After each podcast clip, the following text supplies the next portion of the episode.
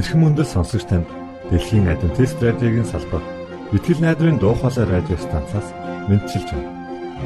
Сонсогч танд хүргэх маань нэвтрүүлэг өдөр бүр Улаанбаатарын цагаар 19 цаг 30 минутаас 20 цагийн хооронд 17730 кГц зөвлөлтөөр 16 метрийн долгионоор цацагдж байна. Энэхүү нэвтрүүлгээр танд энэ дэлхий дээр хэрхэн аз жаргалтай амьдрах талаар зарчим болон мэдлэгийг танилцуулахдаа бид таатай байх болноо. Таныг амарч байх үед аль эсвэл ажиллаа хийж байх зур би тантай хамт байх болноо.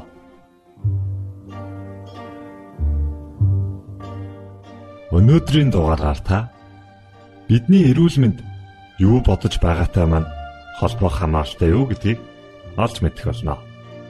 Харин уран зохиолын цагаар Арчи хүүгийн багын мөрөөдөл түүний гэр бүлийн хүмүүс хэн байсан? Мөн түүний амьдралын талаар хамтдаа сонсох болно. За ингээд танд нэвтрүүлгүүдэд хүргэж байна.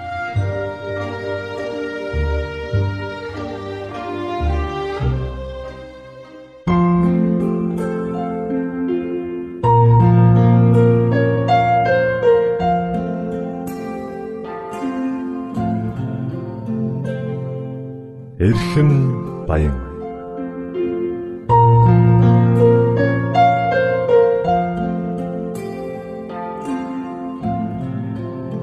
эрүүл амьдрах арга ухаан зөвлөмж тайлбарыг хүргэдэг эрхэм баян нэвтрүүлгийн шин дугаар эхэлж байна.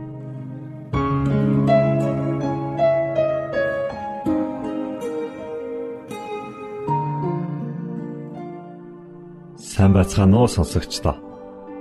Эрхэм баян нэвтрүүлгийн шин дугаараар уулзаж байгаадаа баяртай байна. Бид энэ хорвоо дээр нүцгэн ирсэн нүцгэн буцнаа гэсэн үг байдаг. Тэгэхээр бидэнд өмчилж болох ганц зүйл байдгаа гэх юм бол энэ яахын аргагүй бидний бие махбод юм аа. Бурхнаас заяасан эрдэнэт энэ бие ямар бүтэц тогтолцоотой байдаг. Мөн яавал урт удаан аз жаргалтай энэ дэлхий дээр амьдрах нууцуудыг эрхэм баян нэвтрүүлгээс та олж мэдэх болно. Ингээд танд Монголын адвентист чуулганы эрүүл мэндийн хэлтсийн захирал болох энх баяртай хийсэн ярилцлагыг хүргэж байна. За, эрүүл мэнд гэдэг бол маш эрхэм чухал зүйл гэж хүн мэддэг. Аа, эрүүл байх ёстой. Эрүүл байх бол үнэхээр аж аргалтай, сайхан зүйл гэдгийг бүгд ойлгодог. Гэтэл яагаад өнөөдөр бүхэн эрүүл байдаггүй юм бэ? Ямар нэгэн асуудал заавал бидэнд гарч ирдэг. Тэгэхээр хүн өөрийгөө хамгаалах, бас өөрийгөө халамжлах, асрах тал дээр дандаа дутагдaltaй явдаг болж тарах гэдэг аваад.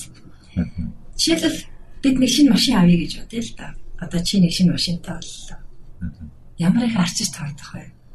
Дотор нь хийх ёстой шингэн өөрөөр хэлбэл бензин, хөдөлгүүрийн тос, за тэгээ бусад шаардлагатай торомсны шингэн бүх зүйлийг нь цаг хугацаанд нь ямар ч байсан солино.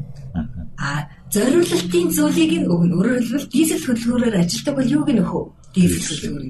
Бензинээр бол бензин ноцоостой бол бензиний өгнө.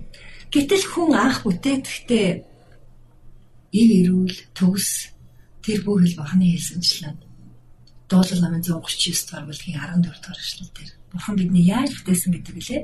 Бурхан намайг аимшигтай бөгөөд гайхамшигтайгаар бүтээсэн гэж хэлдэг. Тэр энэ хоёр үгэнд маш их учир байна.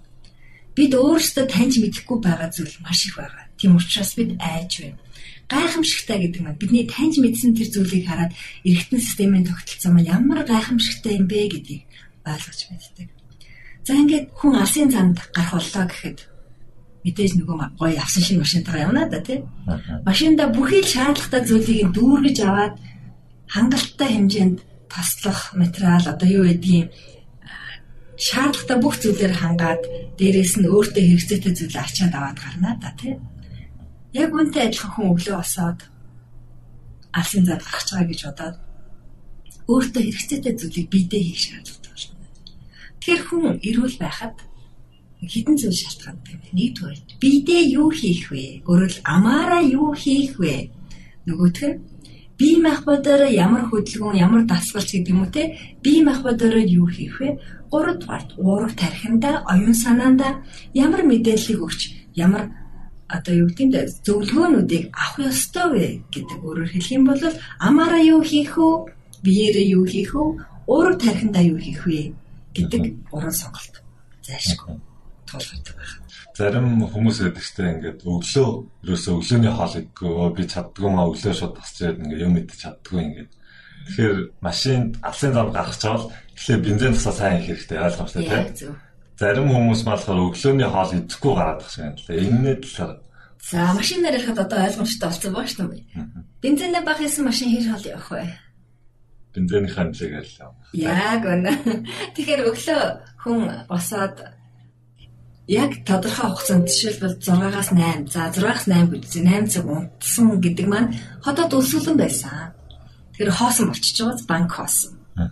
За тодорхой хугацаагаар хоосон байсан тэр зүйлд шаардлагатай зүйлийг өгөх хэрэгтэй. Хамгийн түрүүнд бид нар мэдээж өглөөс ирээд ус уудаг ийм хөвшилт сурч хэрэгтэй. Өглөөс ирлээ ус ууж хоол боловсруулах замаа бэлтгэн. Хоол боловсруулах зам маань бэлэн болсон тохиолдолд тодорхой одоо шингэн уснаас өөрөө ус ууснаас 30 минутын дараа өглөөнийхөө цайгаа идэхээр тохируулж шингэн уух нь шүү дээ.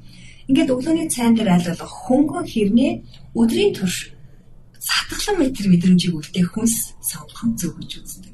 Үүнд авьяас шаргуудаа, гурвалжин будааны каш гэх мэтчлэн өөр хүүхдийн каш ус үйж болно. Тэгээд жимс, самар, за тэгээд талх байж болох жишээтэй. За би яад өндөг болон бусад зүйл хэлээгүй, орой халаасан хоол хэлээгүй гэхэд тэд нар тийм шаардлагатай бас зүйлүүд биш байх нэ. Тухайн хүүхнээс шалтгаална. Жишээлх юм бол юу идэх вэ гэдэг тухайн хувь хүнээс шалтгаална. Жишээлх юм бол бага насны хүүхдүүдэд нэг өөр хоол, эдэр насны хөвгүүд нэг өөр хооллоход охтууд нэг өөр. Өндөр наснууд нэг өөр хоол. Тэгэхээр тухайн хүнд одоо машинаар бид нэр эхлээд жишээлсэн учраас өргөжлүүлээ л та. Ямар маркийн машин хөдөлгөөний хүчин чадал нь хэрвээ гэдгийг шалтгаалж хэрэгцээтэй зүйлийг хангах нь шүү дээ тийм ээ. Бас зарим нь өөр тос шаардлагатай байдаг. Өөр бензин түл шаардлагатай байдаг гэдэгчлэн хүн хүн өөр өөр гэсэн хоол боловсруулах шатаах процесс нь бас харилцан адилгүй байдаг учраас зарим хүнд өглөөд идж байгаа хоол хүнд байхаар хоолой шингээхэд бас хүндрэлтэй. А зарим хүн хоол боловсруулах буюу метаболизм сайтай хүмүүс байх юм бол эзэн хоол хурдан шатчихдаг учраас яах нь бас амархан өсөх жишээтэй. Тэгэхээр өглөөд идж байгаа хоолыг хүн нүдэрээ хараад сэтгэлээрээ чадахгүй байх тохиол байдаг учраас бас сэтгэл чадах хэмжээгээр идэж байгаа зүйл бас дэлгэж тавьж идэх юм бол бас их юм идсэн сэтгэл төрхнө шүү дээ. Өөрөөр тархиа баарч гсэн хоорхон байна. Тэгэхээр өглөөдөө хангалттай чанартай сайн хоол идэх гэдэг маань тухайн хүний өдрөө хэр эрч хүчтэй эхлүүлэх вэ гэдгийг тодорхойлдог гэж л ойлгох боломжтой. За та өмнө хэлжсэн гурван зүйл ярина гэх тээ. Эхнийх нь болохоор амар орж байгаа хоол хүнс. Дараагийнх нь болохоор тэр бие махбодоо яаж хэрхэн ашиглаж байна те хөдөлгөөн гуравт нь болохоор тарих оюун хаан гэсэн баг те хүлээж авч байгаа юу гэд. Би тэгэхээр энэ гурав дахь зүйлийг бас сонирхоод байна л да. Одоо бидний оюун бодол тарихтай юу сонсч байгаа маань бас яаж бидний эрүүл мэндэд нөлөөлж байна вэ? За хүний тарих гэдэг сонирхолтой эрхтэн байдаг. Өөрөөр хэлбэл тарих гэдэг эрхтэн маань бидний биед байдаг бусад эрхтнүүдээс хамгийн их амиа бодсон эрхтэн гэж ойлгоё. Өөрөөр хэлбэл би ингэмээр байна, би үнийг хүсмээр байна, би ийм гоё баймаар байна, би сэтгэл дүүрэн баймаар байна, би сайхан баймаар байна гэж боддог хэрэгтэй. Зүрх гэхэд бусдын төлөө өөрийгөө л хайрлан амрах цаггүй шахмаачдаг. За илэг гэхэд ч зай засваргүй хоршуулдаг. Ууш байнгын хөдөлгөөний эргэлтэнд явчихдаг, хийн солилцоо явуулдаг. Бөөр, байнг гэх мэт чинь бусад бүх эргэтнүүд бусдын төлөө үйлчлэл хөвчлэн байдаг бол тайрх бол ерөөсөө надад шимт хижээлтэйг нь өг би л орж ирж байгаа бүхэл одоо шимт хижээлт хоол хүнсээс хамгийн дээд зэргийн шимт хижээлт бодисыг тарих өөртөө шүүж авах гад хүлээж идэг. Түүнээс гадна гой сайхан тэр сэтгэл ханамжтай мэдрэмжийг авах хүсдэг байх нь шүү дээ. Тэгэхээр нэг энийг ингээ бодохоор бид нар тархиа байсгахын төлөө амьдраад байгаа мó тархиа хоорхын төлөө амьдраад байгаа мó гэдэг асуудал гарч ирж байна. За бас хүмүүс ингэж ярьдаг сайхан зүйл бодох тутамтай сэтгэлээрээ сайхан байх, дүүрэн байх тусам хүн сайхан хоол идэх тусам сайхан зүйл хийх тусам сэтгэл нь цаддаг шээ тийм ээ. Тэгээ бас ингэж ярьдаг.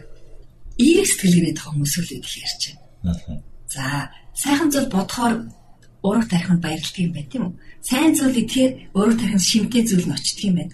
Тэгэхээр идж байгаа хоол ундаа ерөөж идэн гэж ярьдаг одоо хэрэгсэцэгч та бид нар бол хоол идэхээ өмнө залбирдаг. Энэ маань хоолндоо сайхан ерөөл уншаад энэ хоолыг идж байгаадаа талархалтай байна гэдэг энэ талархлын өв тархийг бас сайхан зүйл идэх гэж байна гэсэн тийм бодолд хүрчдэг байна. Тархиныг өгөр хэлэх юм бол хичнээн амиа хичээсэнд гэрхтэн ч гэсэн амархан хурддаг. Жохо инээмсэглэхэд л тархи шууд өөрөөсөө ад жаргалын даавруулах эндорфиныг ялгаруулж эхэлдэг гэж байгаа байхгүй юу. Тэгэхээр оюун санаандаа зөв мэдээлэл өгье. Дээрэс нь эерэг сайхан бодлоор дүүргий нөгөөтэйгүр уурах тархиндаа шимтэй сайхан хоол хүнсийг өсгөе. Би бас нэг хүнтэй ярилцчихсан. Тэгсэн чинь Таиланд хүмүүс ахгүй. Тэгээд юу гэж хэлж байсан гэхээр та юу залуу харагдах юм аа гэд хэлсэн чинь Аа тийм би залуу харагддаг надаа хоёр шалтгаан байгаа. Тэгээ нэг нь болохоор би мах идэгдгүү дандаа хүнсний ногоо тэ самар жимс иддэг. Тэгээ энэ надад тусалдаг. Нөгөөх нь би ерөөсөө стресстийг боддгоо. Ямар нэгэн тийм зүйл гарчих юм бол тэ аль болох ингээл зовоол дотроо шаналал байхгүй тэрнээсээ аль болох гараал за ийм асуудал болсон. За энэ нь бол үнэн гэл тэрийг ингээл өнгөрөөгөл ерөөсөө стресс нь ордгүй энэ маань бас нэг залуу байхын те ингээд залуу харагдахын нэг шалтгаан юм а гэж хэлж байсан. Тэгэхээр энэ яг таны яриад байгаа те тархинда тэр зөв мэдээлэл өгөх гэдэг нь бас энэтэй холбоотой юм шиг байна. Одоо энэ цаг үед бол мэдээлэл бол хэтэрхий их байна. Заримдаа шүүж чадахгүй байна. Жишээлбэл зургатаар гарч байгаа мэдээлэл дүрс мэдээллийг хүний өөрөөр тарих шууд хүлээж авдаг. Шүүн тунгааж амждаггүй. А уншихаар тарих шүүн тунгааж амждаг. Тэгээ уншсан зүйлээ биелэхийн тулд хийхээр тархинд тэр нь яг тогтож өгдөг. Жишээлх юм бол мэдрэлийн хэс гэж байдаг л да. Тэр мэдрэлийн хэс маань өөрийн гэсэн богино холбоосуудыг үүсгэж, синапсуудыг үүсгэж тодорхой нэгэн зүйлийг байнга үйлдэснээрээ хөвшил буюу дадлыг тогтоодог. Өглөө босоод ус уугаад тодорхой хугацаанд дараа өглөөнийхөө цайгаа уугаад сургачих юм бол тарих яах вэ? Энэ хэмнэлт тэр чигтээ дасаад орчдөг байна. Ингээд энэ үлсэн синапсууд нь буюу өөрөөр хэлэх юм бол тархины тэр мэдрэлийн эсүүдийн холбоонууд нь энэ үйлдэлийг хийдэг болгоод сургачдаг байна. За хоолны дундуур юм идээд сургачих юм бол тарих хоол эзэнс 2 цагийн дараа л юм идмээр санагддаг мэдрэмжийг шанд хариу уруулаар үзүүлээд эхэлнэ. Тэгэнгүүт за тэгвэл би энэ үед снак буюу янз бүрийн мэддэг байсан бол болоод ус уудаг болохыг гээд ус уугаа тодорхой хугацаанд яхам бол өнөө тархины эсүүд чи яах нь ус уудаг мэдээллийг агуулад 2 цагийн дараа хүн өсөлтөд энэ бол хуурамч өсөлт байдаг. Тэнгүүд нь хүн мэдчихдэг. Гэтэл энэ бол өвөндөө өсөлт биш хуурамч өсөлт байдаг. Тэгэхээр энийг нөгөө тархинд зөв мэдээлэл өгөх юм бол энэ бол жинхэнэ өсөлт биш. Энэ бол хуурамч. Тийм учраас одоо би зүгээр л ус уучи. Яагаад гэвэл ус уснараа миний 2 цагийн өмнө идсэн хоол маань цаашаа шингэх хэрэгтэй юм аа. Энд ус хэрэгцээтэй байгаа учраас цангах үсэх төв тархинд ойрхон байдаг учраас андуурагдсан ойлголтыг миний бие махбод үзүүлээд байгаа юм. Одоо би нэг шинжлэх ухааны үндслэлтэйгээр ойлгоцсон учраас би юм идэхгүй харин ус уяа гэх юм бол тарих яах вэ? Ойлгоо. Хүний тарих маш энгийн шүү дээ. Орой унтахтай хүртэл за маргааш өглөө би 6 цагт босно гэ өөрийгөө оюун санаанууд бэлтгээд бүх юма бэлдээд за 6 цагт босоод би өглөө дасгал хийхээр гарнаа гэд бүх юма бэлдээд унтахад өглөө 6 даа унс ирч чаддаг. Тэгээ гол нь босох уугүй юу гэдэг нь сонголт болчиход байна. Яг өглөө сэрлээ гэр агшинд би одоо босох уу өргөшөөд унтах уу гэдэг шийдвэрийг хэн гаргах вэ? Нөгөө хөөхөн гаргана шүү дээ тийм ээ. Одоо зөндөөл янз бүрийн сонин сэтгүүл дээр янз бүрийн бичдэг. Тэгэхээр тэр болгонд итгээд байдгүй. Тэгэхээр миний асуух гэдэг асуулт болохоор яг энэ энхүү мэдлэг мэдээллийг үнэн гэдгийг бид нар бас яаж мэдэх вэ? Та үүн дээр бас нэг хариулт өгнө. Миний хувьд бол би 7 дахь өдрийн адвентист гишүүн учраас 7 дахь өдрийн адвентист сүмийн эрүүл мэндийн мэдээнд итгэдэг. Манай 7 дахь өдрийн адвентист сүмийн эрүүл мэндийн мэдээ маань Библиэлд суурилсан Элен Вайтийн бичээсүүд дээр үндэслэсэн шинжлэх ухааны болон судалгаа шинжилгээний ажлуудын туршилтын үр дүнгуудыг тулгуурлан гэж ойлгочтой авсан өөрөөр тулгын гурван чулуу шиг юм ядаа бэрч нэгдүгээр Библиэд гэмээр хоёрдугаар Элен Вайтийн бичсэн бичээсүүд байна. Яг бол Элен Вайтыг манай сүмийн зүүн чимэгтээ түүний бидэнд үлдээсэн бичээсүүд маань ариун сүнсээр хөлөглөгдөж ирсэн учраас бид нэр үндэслэлтэй гэж үтгэж хүлээн авч зөвшөөрдөг. Ширлэх хаяг үчилж. Үнхэрийн хүний ходоод бол хоол боловсруулах зам маань хүнс ногоо боловсруулахад зориулагдсан байна. Өөрөөр хэлэх юм бол махан тэжээлтэй амтан өвсөн тэжээлтийн амьтны хоол боловсруулсан замыг судлахад хүнийх өвсөн тэжээлтнийх юм шиг байна. За нөгөөтэй үр гэхэд мах буюу амьтны гаралтай бүтээгдэхүүн баг хэрглэж байгаа хүмүүс бөгөөд эрүүл насалт юм байна гэдгийг судалгаар гаргаад ирсэн. Тийм учраас бид энэ гурван зүйл дээр адвентист эрүүл мэндийн мэдээ үндэслэлтэй юм байна гэж үзэж байна. Өөрөөр хэлэх юм бол одоо тулхан гурван чулууга тавья. Библи буюу судар, Бурхны эсвэг, Элен Вайтийн бичээсүүд хажууд нь орчин үеийн өдрөөс өдөрт жилээс жилд бараг цаг минут тутамд шинжлэгдэж байгаа анагаахын шинжлэх ухааны болон эрүүл мэндийн шинжлэх ухааны болон бусад шинжлэх ухааны туршил, судалгаа, онлайн үндэслэл. За тэгээд дээр нь тогоотой ус тавья л да. Тэндээс буслаад гарч байгаа ууршиж байгаа мэдээ маань юу? Манай Адвентист эрүүл мэндийн мэдээ. Тэр хүн хүн төвөн хүрэх ёстой юм а гэсэн ийм зөвлөлийг бид үргэлж бодож байгаа тийм. За баярлалаа танд. Та бүхэн сая сонссон бахаа Эрхэн баян радио нэвтрүүлгийн мэдлэг мэдээлэл онлоод нь Адвентист эрүүл мэндээс гаралтай юм байна. Та бүхэн бас зөв зүйл ярьж байгаа нь итгэж болох уу үгүй юу гэж бас эргэлзэх хэрэггүй. Энэ бол шинжлэх ухаанаар батлагдсан ийм эрүүл мэндийн систем бүхий мэдлэг мэдээллүүд байгаа юм аа. Бид дараагийн нэвтрүүлгээрээ танд эрүүл амьдралын 8 зарчим болох шинэ гараа хөтөлбөрийг танилцуулах болно. Дараагийн нэвтрүүлэг хүртэл түр баяртай.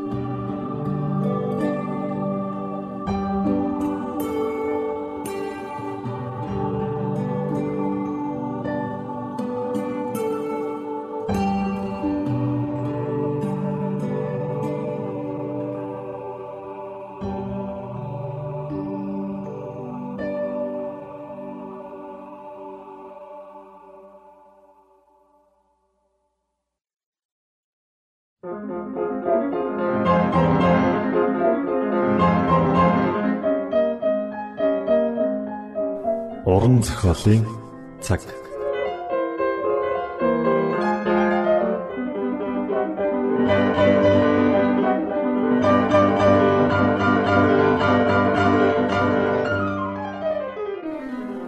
Уран зохиолын цаг нэвтрүүлгийн шин дугаараар уулзж байгаадаа баяртай. Энэхүү булангаараа бид уран зохиол, утга уянга, яруу найргийн өнгө аястай ном тохиомлуудыг сонсогч та бүхэндээ хүргэх болно. Та бидэнтэй хамт байгаарай. Энэ удаагийн дугаараар эцгийн гашуун бэлэг хэмээх Арчи хүүгийн тухай гарах номыг сонирдуулах гэж байна. Хөгжмөд артн соно.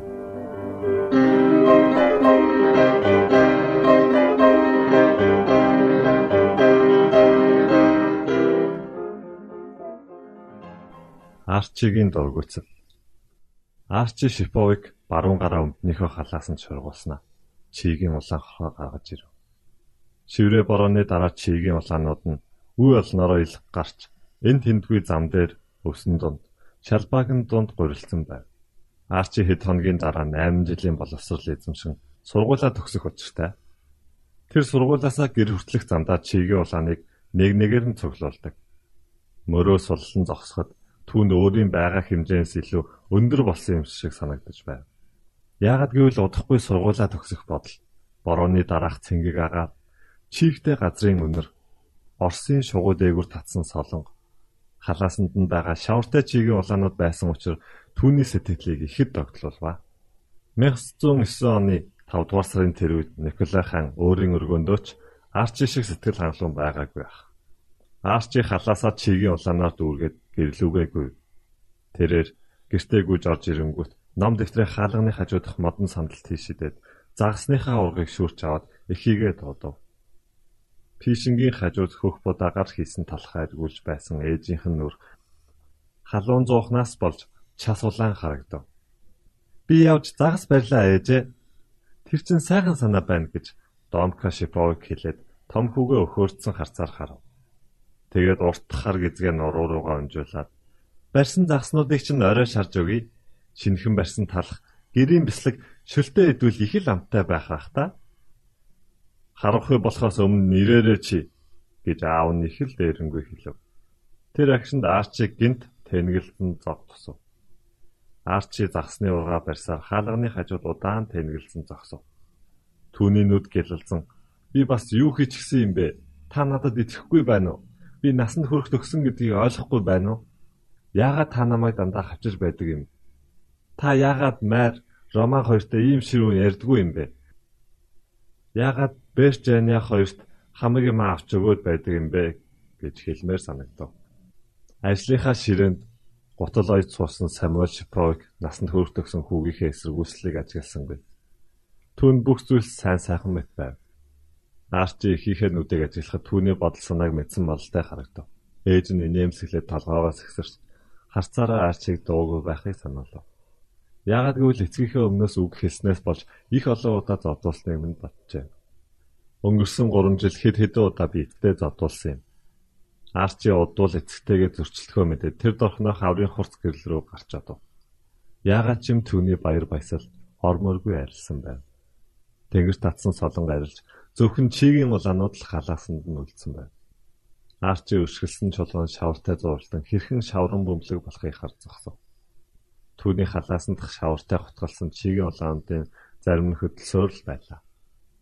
Тэгээд Арчи нэгийг авч голын эрэглүү гүйн гарав. Тэрээр чигийн улааныг дэгэндээ торгоогоод уурга ус руу шидэж эхэллээ. Тэгээд голын ирэг дээрх дарих модон дээр гарч суугаад хэсэг зуур харан азнав. Намайг гэр бүлдээ хоол залгуулах гэж ингэж яваг аав ойлгоод баярлна гэж бодож байна уу? гэж аарчи загсны ургандаа хэлв. Урга нь хавихлж чадах эсэх нь түүнд хамаагүй байлаа. Өнгөрсөн 3 жилийн хугацаанд түүний амьдрал ихээхэн дорцсон юм шиг санагдав. Эцэг нь түүнийг ойлгохоо болсон учраас би өөрийн хийх ёстой бүгдийг хийнэ гэд аарч яваагаараа бүдүүн тайрцыг цохиж авлаа. Би хашаа цэцэрлэгээ цэвэр цэмцгэр байлгадаг. Би гэрийнхэндээ загас авчирч өгдөг. Би хон харуулж мөнгө нэмэрлэж байсан. Би сургуульдаа их чармайдаг. Юу болохгүй байгааг би ойлгохгүй байна. Чи юу ойлгохгүй байгаа юм бэ? Арчи цочин ухсгийхтэй ардан зогсож байгаа 9 настай дүүгээ харав.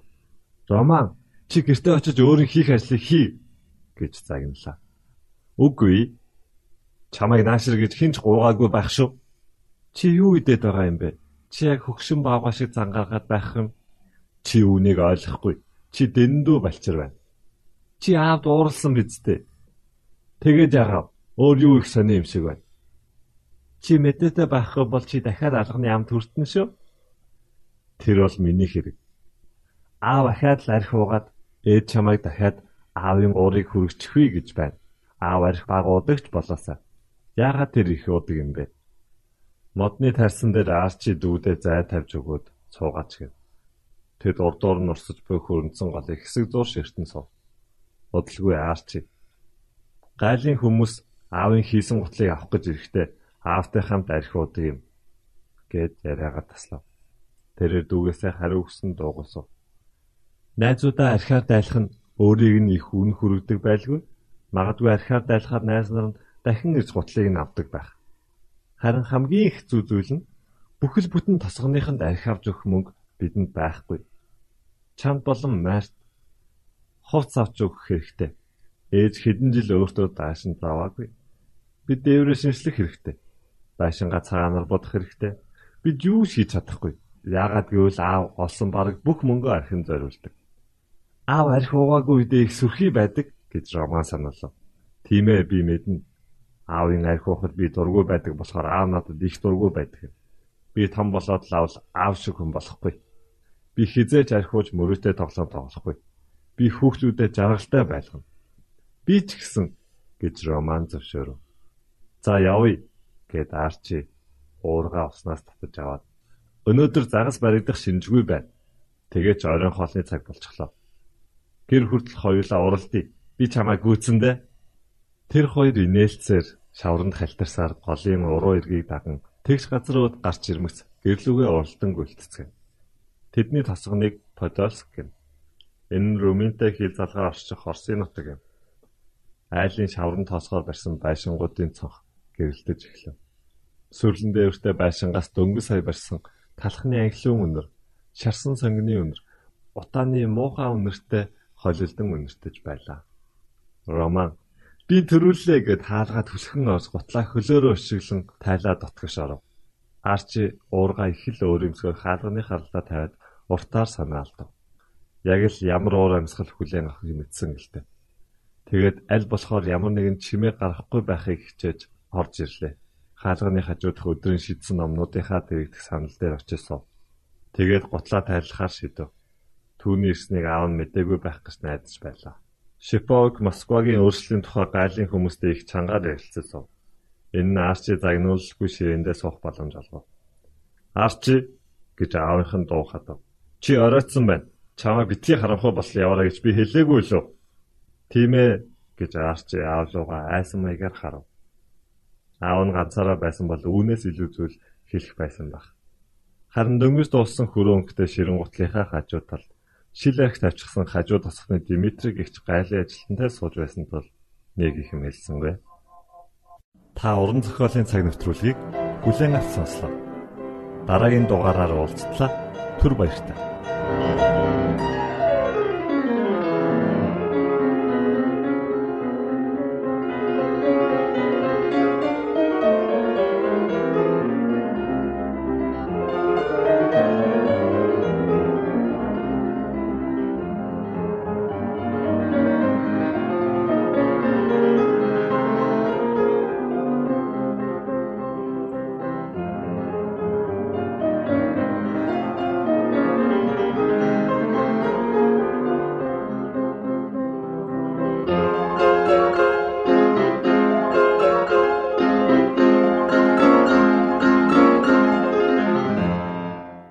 Итгэл найдварын дуу хоолой радио станцаас бэлтгэн хөрөгдөг нэвтрүүлгээ танд хүргэлээ. Хэрв та энэ өдрийн нэвтрүүлгийг сонсож амжаагүй аль эсвэл дахин сонсохыг хүсвэл бидэнтэй дараах хаягаар холбогдорой. Facebook хаяг: Латин үсгээр Монгол заавад AWR Имэйл хаяг: mongol@awr@gmail Цэг.com. Манай утасны дугаар 976 7018 24 Шуудангийн хаяг 16 Улаанбаатар 13 Монгол улс. Биднийг сонгонд цаг зав аваад зориулсан танд баярлалаа. Бурхан таныг ивээх болтугай.